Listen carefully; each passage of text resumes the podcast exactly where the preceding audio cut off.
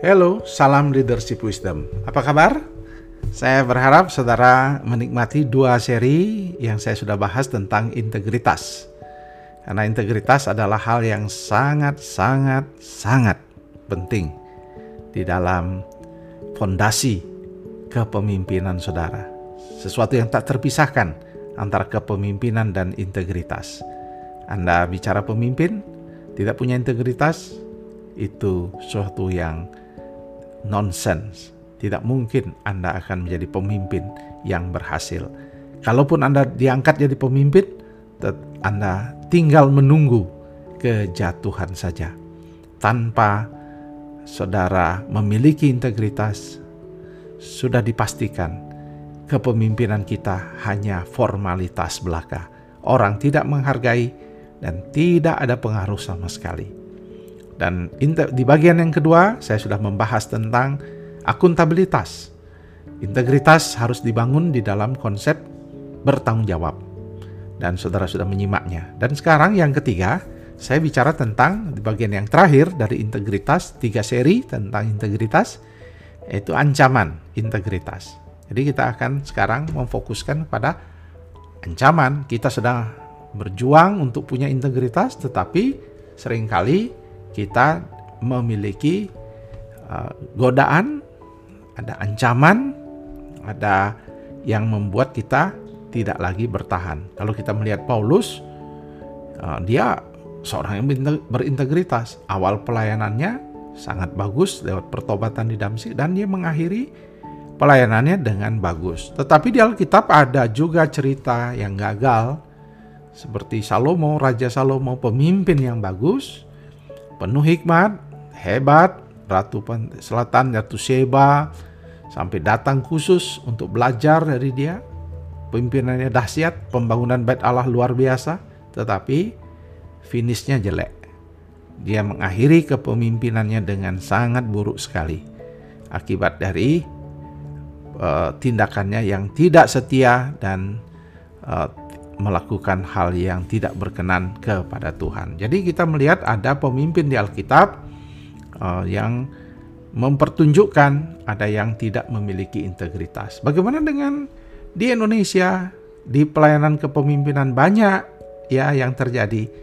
Seringkali uh, mereka melayan uh, masuk STT terpanggil melayani tapi kemudian kita tahu lima tahun, 10 tahun, 15 tahun kemudian orang-orang itu telah banyak ada yang meninggalkan pelayanan. Bahkan eh, di statistik di Amerika dikatakan ada yang 75% ya, 73% maksudnya eh, hamba Tuhan itu melayani tidak sampai 20 tahun ya.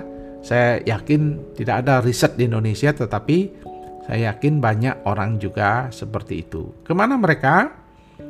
Mereka keluar ya kalau kita lihat contohnya di Demas ya, Demas di dalam 2 Timotius pasal 4 ayat 10 dia telah meninggalkan pelayanannya. Mereka menjadi fokus kepada hal-hal duniawi atau kena disiplin diskualifikasi sehingga mereka jatuh ke dalam berbagai-bagai dosa dan tidak kembali ke pelayanan. Nah, mengapa bisa terjadi? Tentu dia tidak meminta pertolongan Tuhan, tidak berjuang untuk memperbaiki kelakuannya, tidak meminta anugerah Tuhan menolong, dan tentunya dia tidak mau belajar dan tidak mau bertumbuh.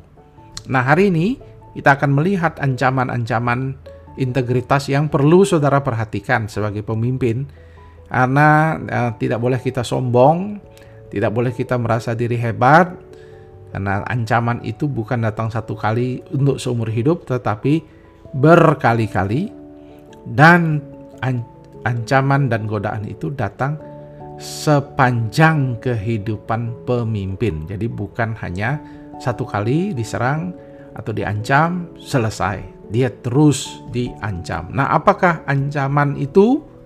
Jadi saudara harus ingat ancaman itu saya bagi empat yaitu uh, uang, seks, kekuasaan dan kesombongan. Nah, itu juga harus hati-hati ya.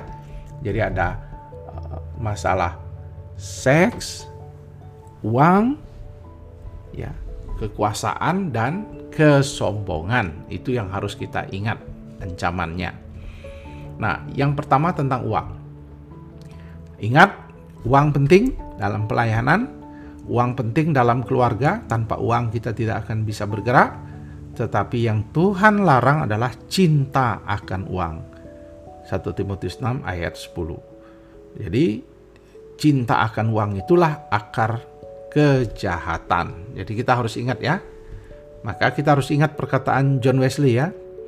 Kita harus berjuang untuk mendapatkan uang, tetapi juga menabung, rajin menabung, memberi persembahan, dan terus kita lakukan. Jadi kita harus pandai menata keuangan. Banyak, tidak sedikit ya, pendeta, hamba Tuhan, pemimpin jatuh ke dalam uang, ya tidak mampu mempertanggungjawabkan laporan keuangan yang diberikan kepercayaan kepadanya untuk mengelola uang disalahgunakan itu sering juga terjadi atau dia pergi meminjam uang ke orang lain ke jemaat tapi dia tidak kembalikan. Itu juga ada.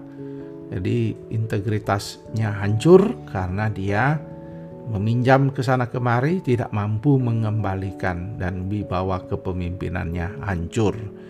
Jadi uang adalah sumber yang sangat berbahaya. Jadi uang penting tapi cinta akan uang itu berbahaya ya. Itu sebabnya saya berharap saudara harus ingat uh, dalam bicara tentang uang, carilah dahulu kerajaan Allah dan kebenarannya, maka semua akan ditambahkan. Jadi jangan selalu khawatir dengan uang. Itu yang harus ingat.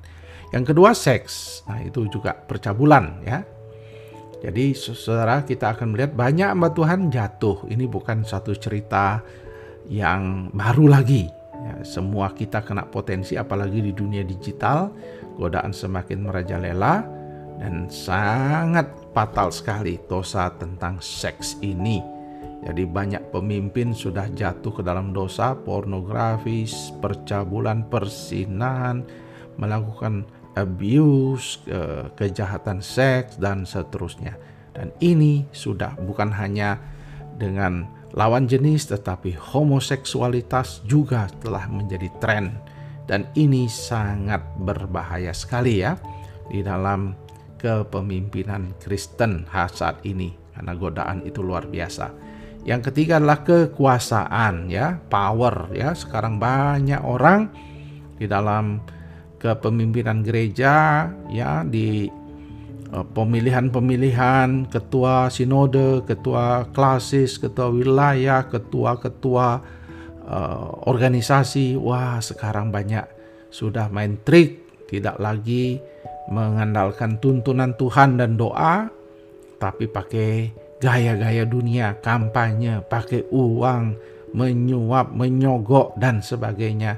Transaksi, kalau saya jadi ketua kamu akan jadi ini. Jadi transaksional itu terjadi.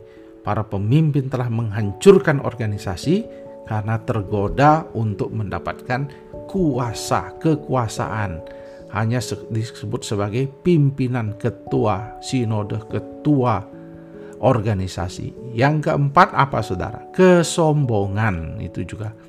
Amsal 16 ayat 18, kecongkakan mendahului kehancuran dan tinggi hati mendahului kejatuhan. Ingat, rendah hati adalah ciri pemimpin yang baik, karakteristik utama. Kita tidak boleh sombong, tidak boleh menganggap diri hebat. Itu penting kalau pemimpin tidak mau rendah hati, minta maaf, saudara akan kena diskualifikasi. Pertama, mungkin saudara bisa bertahan di organisasi, but tetapi orang-orang tidak mau mendengar Anda lagi. Mereka hanya sekedar takut karena mungkin saudara masih punya kekuatan untuk memecat mereka atau membuat dia pindah mutasi, tapi sebenarnya di hati mereka tidak ada yang takut.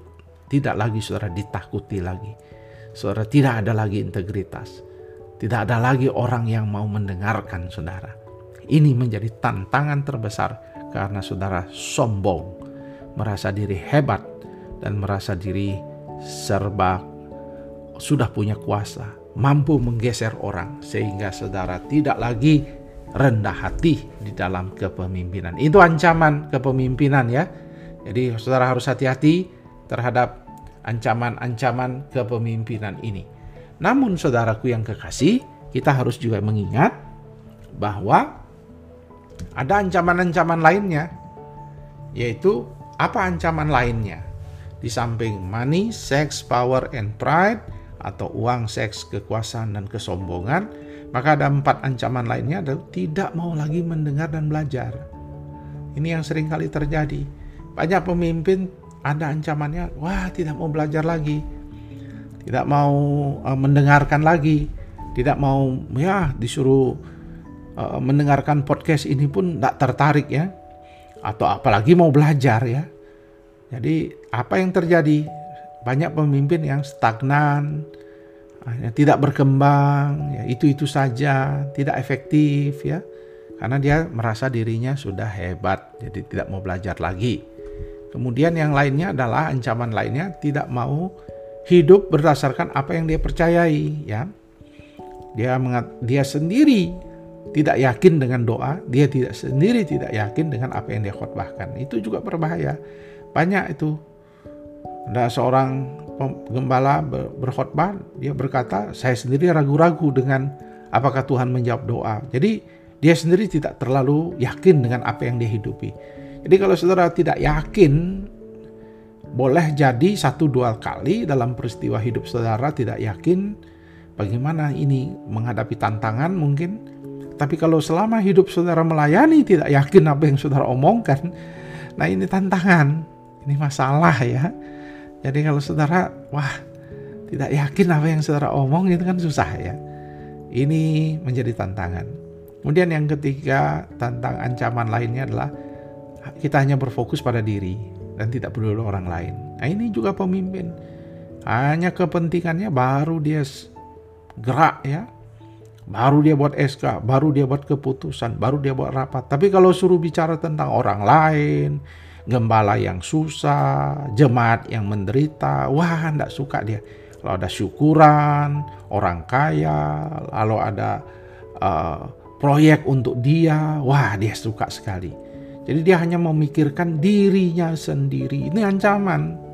Banyak pemimpin yang suka hanya memfokuskan pada dirinya dan tidak peduli. Padahal kalau engkau menjadi pemimpin yang hebat, sayangilah orang miskin, sayangilah orang-orang yang menderita, perhatikanlah, kasihanilah, tunjukkanlah belas kasihan.